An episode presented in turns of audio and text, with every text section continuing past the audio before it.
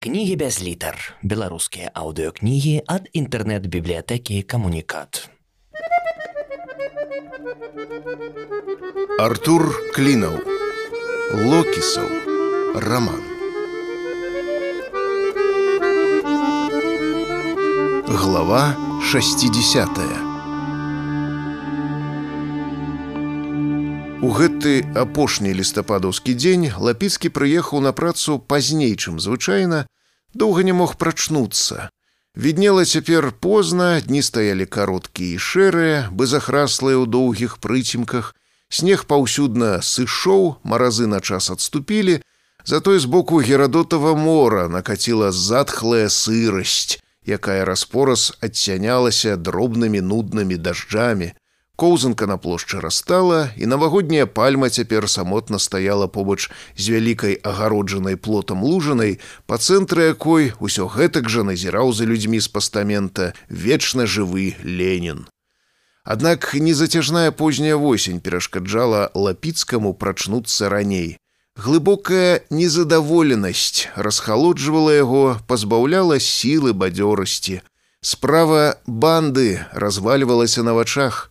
Ён і ўявіць сабе не мог больш няздатных і нікчэмных пярэваратняў. Гэта былі не локісы, а нейкія дробныя чэрці, калі не лічыць Бруевіча. Гэты выглядаў сапраўдным ваўчарам. На допыта хлапіцкі нават спецыяльна сядаў падалі ад яго і заўсёды трымаў руку побач з трывожнай кнопкай. Астатнія трымаліся мляўка. Ламбержа сексуал студэнт вальнадумец зыбіцкі, адразу размяк, выказаў гатоўнасць супрацоўнічаць са следствам, але толкам нічога не ведаў, блытаўся ў паказаннях, усё мармытаў пра нейкую заграніцу, пра няўдалыя кадры, а паведаміць нічога вартага не мог.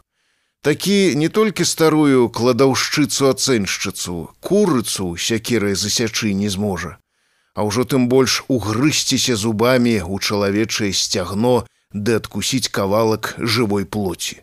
Фіксевіч нахабна качаў правы, напіраў на свае сувязі ў мінску і ў міжнародных арганізацыях, пры гэтым страшна шапялявіў і мацюкаўся сваім бяззубым апазіцыйным матам, патрабаваў дантыста, лекара, пракурора і адваката. Патрабаванняў было так шмат, што калі сабраць іх у адзін тэрмін, то лаянкі ў грамадскім месцы хапіла б на некалькі пажыццёвых, Шарлай бахмуцкі усё больш маўчаў і пагардліва глядзеў з вышыні, быццам следства вядзе не пракурор, а блыха. Карпуль юродстваваў аб праве локіса на існаванне, і лапіцкі ніяк не мог зразумець, ён сапраўды ідыёт, ці гэта тонкая і падступная гульня. Аднак больш за ўсіх яго выводзіла пятроўская. Ён люта яе не ўзлюбіў з таго самага моманту, калі аблаяўшы казлом яна ўчапілася яму ў бараду, а галоўнае крыўдна новая апазіцыйная раёнка ўжо напісала, што гэта ўлада ўсё справакавала, маўляў, гэта яе людзі першымі кінулі камень у акно цэнтральнага гастранома.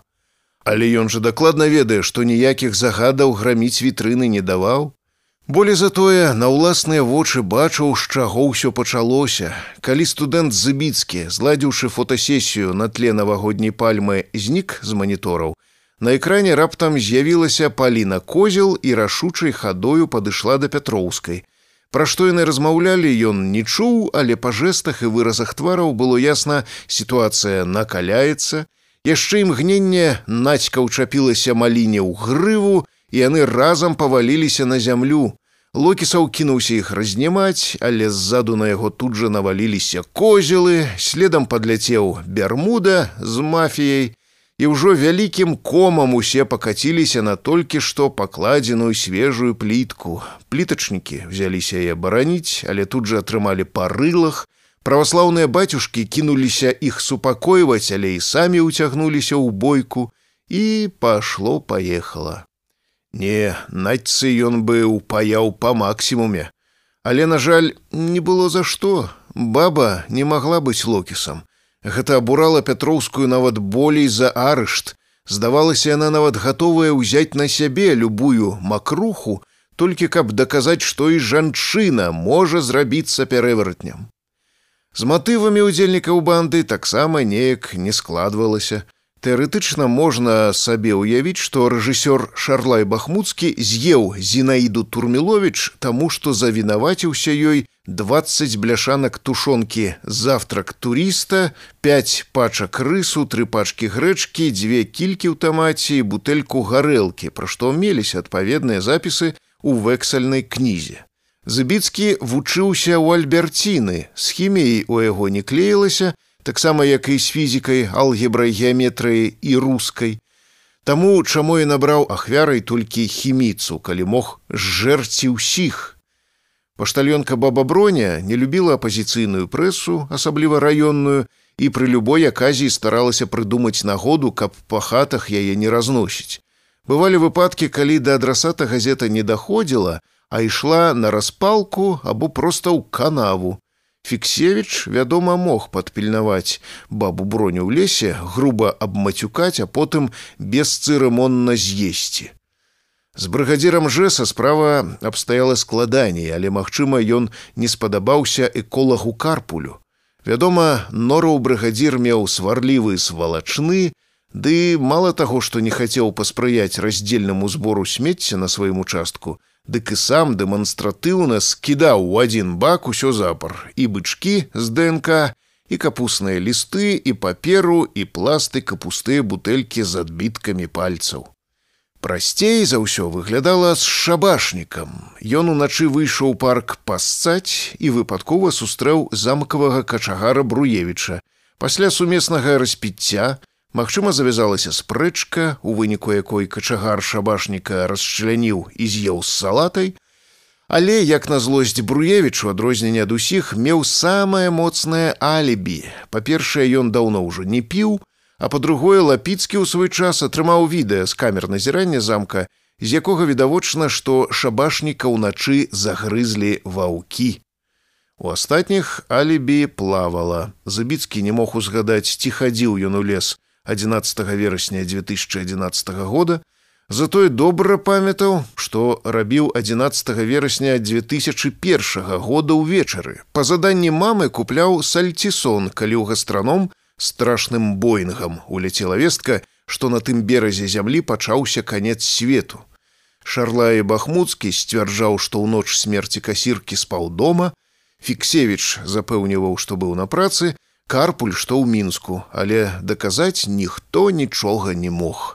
Быў яшчэ адзін персанаж, які вельмі не падабаўся лапіцкаму. Пётр Кузьміч. Аднак ён ніяк не мог вырашыць, што за ніськам рабіць. Здаваўся ён нейкім каламутным і двудушным.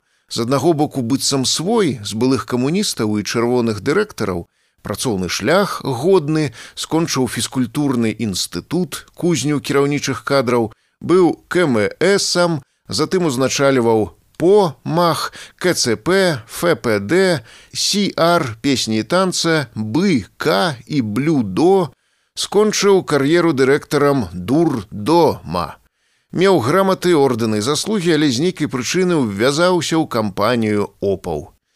Праўда, фармальна ўдзел у беспарадках ён не прымаў. Калі побач з помнікам Леніну завязалася бойка ўсіх з усімі з удзелам Локісава, Пятроўскай, Бярмуды, Фіксевіча, Разаліі, Гены каваля, паліны маліны, кагала козела ў брыгады плітачнікаў, брыгады пажарнікаў, брыгады папоў на чале зайцом онуфріем, брыгады мальцаў у аднолькавых вязаных шапках, рабочых, якія пападалі з пальмы, разявак з прадмагу і разявак з хазмагу, казакоў, дворнікаў, інжынераў, журналістаў, шафёраў, прарабаў, паштмайстара пшыбыльскага, павятовага лекара мікульскага, прадпрымальнікаў Абдуліна СА і каробкіна ІП, наглядчыка вучэльняў Вальдемара Варфаламеевіча, Мадагаскара з цюменем і шмат шмат каго яшчэ, Карпуль з шарлай бахмуцкім, кінуўшы штандар, зносячы па дарозе агароджы з крыкамі локіс ёсць, кінуліся ў бок гастранома, аднак рэвізор Пётр Кузьміч нават і вусам не павёў, застаўся на гандлёвым месцы.